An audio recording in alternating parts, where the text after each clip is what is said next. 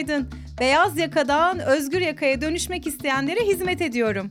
Bu podcast kanalımda da beyaz yakalıların problemleri nedir, sıkıntıları nedir, onların iş hayatındaki hayatlarını nasıl daha keyifli ve kolay hale getirebiliriz? Bununla ilgili e, cevapları arıyorum ve sizlerle yaklaşık bir senedir ağırlıklı olarak konuklarla bu konuşmaları ve e, sohbetleri gerçekleştirdim. Bundan sonra sizlerle çok daha fazla bilgilendirici içerikleri çok daha kısa sürelerde paylaşmaya gayret edeceğim. Bugün sizlere çok önemli bir konudan bahsedeceğim. Bildiğiniz üzere yaklaşık iki senedir Great Resignation dediğimiz çok büyük bir büyük istifa dalgası var. Özellikle Kuzey Amerika'da etkilerinin çok ağır bir şekilde görüldüğü ama Türkiye'ye de bir şekilde bunun yansımasının olduğu bir dönem yaşıyoruz. Beyaz yakalı iş hayatında kendi yerini, rahat edeceği şekli ve çalışma biçimlerini keşfetme sürecinden geçiyor ve bunu hep beraber birlikte deneyimliyoruz. Ve pek tabii ki pek çok beyaz yakalının aslında hayali bu kurumsal hayattan çıkma ve kendi girişimini ister freelancer olarak isterse şirketini açarak gerçekleştirmek. Fakat bu göründüğü kadar kolay değil. Aslında kolay olmayan şey şu. Beyaz yakalı düşünme, çalışma ve yaşam biçimiyle bizler girişimci olamayız. Orada bizim bir takım alışkanlıklarımızı, inanç setlerimizi e, ve çalışma biçimlerimizi çok ciddi anlamda dönüştürmemiz ve girişimci olacaksa da aslında bu çalışmayı kendi üzerimizde yapmamız gerekiyor. Dolayısıyla bugün sizlerle neden beyaz yakalı kafasıyla girişimcilik olmayacağını anlatacağım. Şimdi beyaz yakalılara baktığımız zaman genelde hep şundan şikayet ediyoruz. Efendim hepimiz e, 8 saatin üzerinde çalışıyoruz, hepimiz mesaili çalışıyoruz. Hiçbirimizin bir şekilde mesai saati uygulanmıyor. Hatta daha da idealde daha ne kadar az çalışırsak bizim için o kadar kar noktasından bakıyorlar. Fakat girişimci dediğimiz insan aslında saat 8'de mi girdim, 5'te mi çıktım, 9'da mı girdim, 6'da mı çıktım gibi 3'ün 5'in hesabını yapamayacak bir durumda. Çünkü onun gerçekleştirmek istediği bir amaç ve hedef var ve bu anlamda da e, daha zamansız çalıştığı bir e, sürece doğru eğriliyor. Genelde de hani insanlar şunu düşünüyor. Kendi işimi açtığım zaman çok daha rahat hareket edeceğim. Çok daha e, kolaylıkla işlerimi gerçekleştireceğim. Kafama göre çalışacağım. Pazartesi sendromunu yaşamayacağım. Ben de genelde onlara şunu diyorum. Gerçekten pazar günü, pazartesi günü yetiştirilecek işi çalışmaya gerçekten istekli misin? Akşam saatlerinde mesai kalmaya ama gerçekten e, hayalin için çalışmaya hazır mısın? Hani bu buna hazırsan ondan sonra girişimcilik e, tarafına yelken açmanı öneriyorum diyorum. Ve e, genelde de insanların e, normalde beyaz yakalıdan e, ilk işlerini kurdukları zaman daha fazla çalışmaları gerektikleri bir gerçekle yüzleşiyorlar. Bu kimilerinde sükutu hayal oluyor, kimilerinde ise daha çok içeride e, ciddi anlamda bir anksiyete yaratıyor. Acaba bunu gerçekleştirebilecek miyim, yapabilecek miyim diye. Dolayısıyla eğer girişimci olmak istiyorsanız zamanınızı nasıl kullandığınızı ve bunun ilk etaplarda biraz da zamandan bağımsız hayatınızdan bazı fedakarlıklar e, ederek bunu hayata geçirebileceğinizin e, kabulüyle sürece başlamanız gerekiyor.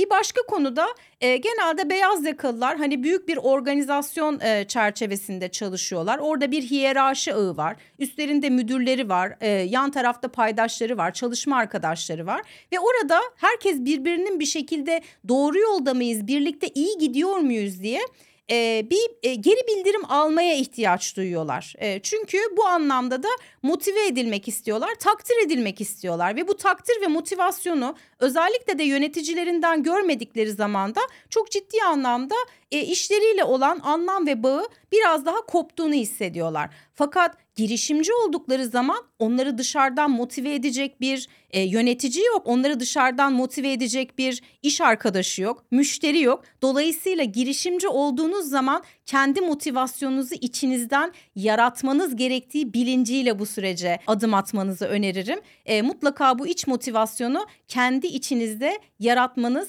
gerekiyor.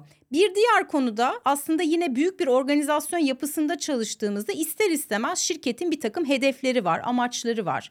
Hayata geçireceği inisiyatifler var. Bu amaçları e, çerçevesinde de hani bir yönlendirilmeye ihtiyaç duyuyorlar. Yani ben bu büyük resimdeki hedefe giderken Ben bu anlamda neler yapacağım? Peki benim büyük resme katkım nedir? Ve genelde de e, bu bağı kendi içlerinde kuramamaktan şikayet ediyorlar. Hani diyorlar ki ben çok operasyonel işlerle uğraşıyorum. E, işte benim e, yaptığım işin e, çok da anlamda bulmuyorum. E, işte çok keyifsiz işler yapıyorum. Acaba bizim şirketin büyük resimdeki hedefleri ne? Ben onları tam bilmiyorum gibi diyalogları eminim hepiniz çok duymuşsunuzdur. Ya da bir şekilde beyaz yakalıysanız serzenişte bulunduğunuz dönemlerde olmuş olabilir. Ve genelde de hani e, şirkette tepeden aşağıya doğru inen hedefler silsilesi olduğundan dolayı da işin doğası gereği direktif bekliyorlar. Hani onların bir şey yapması için direktif bekliyor. Fakat girişimci olduğunuz andan itibaren hedeflerini, amacını, inisiyatiflerini sizin belirlediğiniz bir alana doğru yolculuk alıyorsunuz ve bu anlamda da kendi yönünüzü kendinizin belirlemesi gerekiyor. Hani dışarıdan biri size iyi mi gidiyorsun, e, doğru yolda mı gidiyorsun, yoldan sapmalar mı yaşıyorsun gibi e, şeyleri söyleyecek bir kişi yok. Hani bununla ilgili en fazla kendinize koçluk alabilirsiniz, mentörlük alabilirsiniz ama bu da çok sürdürülebilir bir nokta değil. Hani bugüne kadar direktif alarak işinizi yaptıysanız eğer girişimci olmadan önce hani ben gerçekten direktif almadan da bu yönü kendim belirleyebilir miyim sorusunun altını çok iyi doldurmanız gerekiyor girişimcilik yolculuğuna adım atmadan önce. Bir diğer e, konuda beyaz yakalıların hani genelde ben de yönetim danışmanında çalışıyorum çok uzun süredir.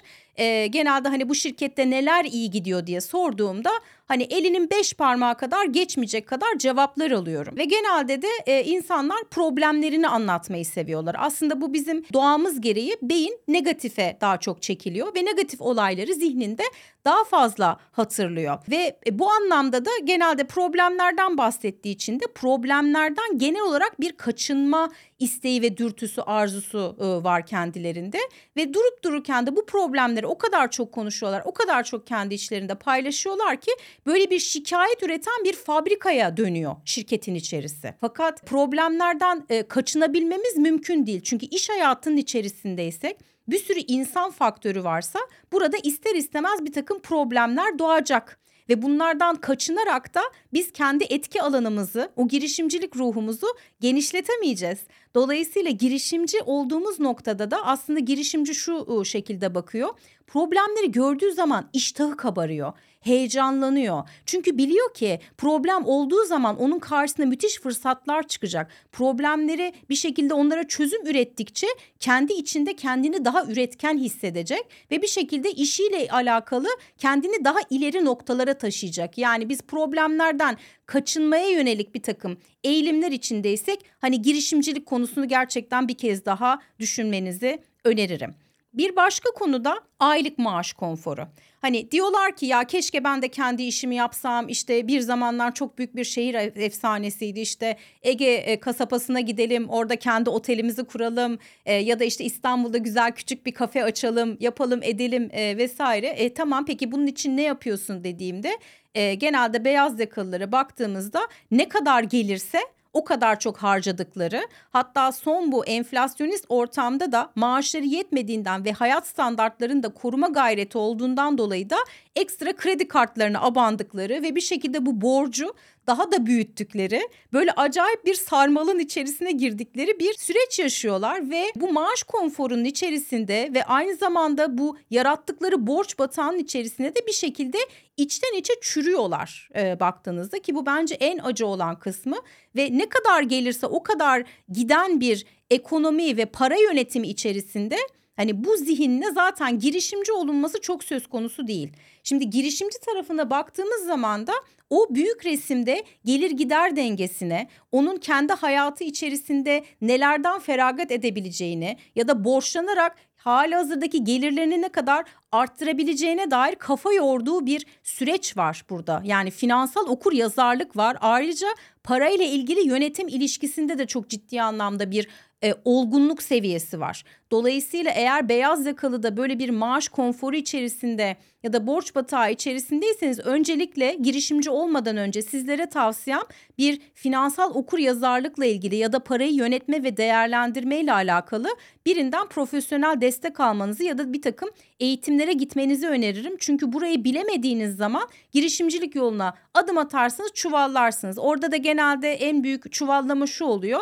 Mesela diyelim ki kendi şirketlerini kuruyorlar. Şirkete para geliyor ve bu gelen paranın kendi parası olduğunu zannediyor. Halbuki hayır o şirketin e, parası ve bu paranın da yaklaşık hani yüzde kırkını da devlete vergi olarak verildiğinin de çok farkında değil. E, kalan hani yüzde altmışla e, bir şekilde o şirketi devam ettirmek, maliyetlerini karşılamak, aynı zamanda şirketini büyütmekle ilgili bir mükellefliği var. Hani bu büyüme evresinde de bir takım alması gereken riskler oluyor. Eğer büyüme iştahı varsa kredi çekmesi gerekiyor. Oradaki faiz oranlarını hesaplaması gerekiyor gibi. Hani bu arada şunu da söyleyeyim. Ben de hani bakkala gider gibi şirket kurmuştum. Bu süreçlerin hiçbirinden bir haberim yoktu ve gerçekten hani para nasıl yönetilir bilmiyordum. Gerçekten sudan çıkmış balığa dönmüştüm. Bir sürü tabiri de bilmiyordum. Dolayısıyla böyle bir yolculuğa çıkmadan önce nacizane tavsiyem bu finansal okur yazarlığı, para yönetimini çok iyi bilmeniz gerekiyor. Çünkü paradan anlarsanız işi çok daha etkin bir şekilde yönetebilirsiniz. Beyaz yakalıların bir başka sıkıntısı da risk iştahının son derece düşük olması. Bu da son derece normal çünkü belli bir maaş konforu, belli kurallar, silsileri içerisinde insan hareket ederken ve şirkette hani kendi alanını ve etkisini büyütecek bir e, alanla ilgili çok fazla e, ona imkan da sağlanmıyorsa eğer e, risk iştahı otomatikli e, çok daha düşük olmaya başlıyor. Ve bu risk iştahı düşük olduğu zaman da çok güzel hayalleri oluyor. Kendi şirketiyle ilgili, işte müşteri portföyüyle ilgili, iş modeliyle ilgili. Fakat eyleme geç bakalım hadi biraz hareket et bakalım dediğimde işte orada imposter sendromlar, imposter sendrom dediğimiz hani bir şekilde ben bu işi yapabilecek nitelikte miyim? İşte ben bunu gerçekten hayata geçirebilir miyim? Ben kimim ki? gibi sorular bu sefer arkadan, zihninin arkasından onun zihnini işgal etmeye başlıyor. Bir başka konuda erteleme problemleri çıkıyor. Ertelemede de işte daha mükemmel bir plan yapayım. Acaba bir de şu fikrimi deneyeyim. İşte bir de bunun arkasından mı dolaşayım gibi. Hani erteledikçe erteliyor, erteliyor, erteliyor ve bir şekilde harekete geçmekten imtina ediyor.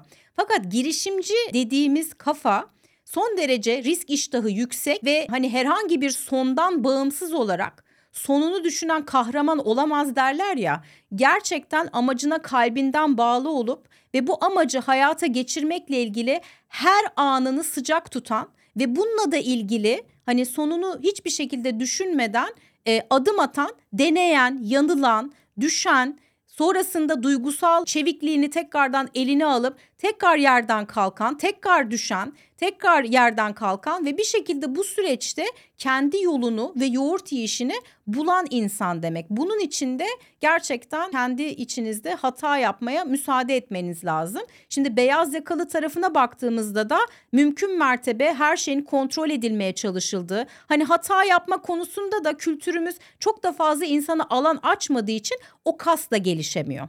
Dolayısıyla girişimci noktasını eğer kendimizi taşıyacaksak risk iştahımızı ve hata yapma e, tarafındaki iştahımızı biraz daha yüksek tutmamız gerekecek. Bir başka konuda en önemli konu kurumsal hayatta çalışırken insanların kendi küçük sorumluluk alanları çerçevesinde büyük resmin biraz daha cahili olarak yaşayabiliyorlar. Çünkü sistem diyor ki onlara ya kardeşim sen o güzel kafanı yorma. E, sen içindeki sorumluluğu gerçekleştir. Hani çok da büyük resimle falan sen uğraşma. Ben zaten senin büyük resimle uğraşmaman için ben seni yeteri kadar operasyonel işlerle, saçma sapan işlerle, aptal saptal toplantılarla her şeyle ben seni meşgul edeceğim diyor.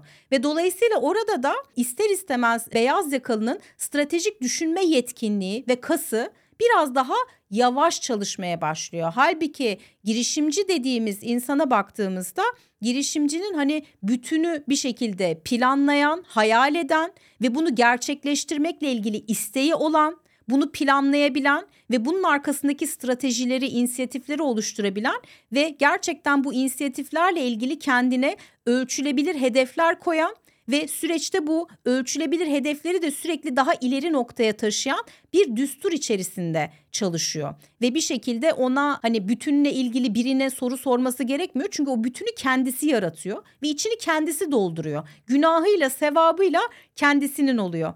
Dolayısıyla eğer girişimci olmak istiyorsanız, eğer büyük resim konusunda hani stratejik düşünme yetkinliği konusunda biraz daha gelişim alanına sahip olduğunuzu düşünüyorsanız bununla ilgili kendinizi geliştirecek bir takım eğitimler ya da mentörlükler almanızı ya da koşullar almanızı gerçek anlamda size tavsiye ederim. Bir de son olarak genelde şöyle bir hata oluyor. Şimdi kendisinin mevcut durumundaki yaşadığı gerçeklikle vizyonu arasında o kadar uzun, o kadar büyük bir gap koyuyor ki kendine ve o o kendisinin mevcut gerçekliğinden o kadar uzakta bir noktada duruyor ki bu sefer diyor ki ya bu çok uzak bir nokta.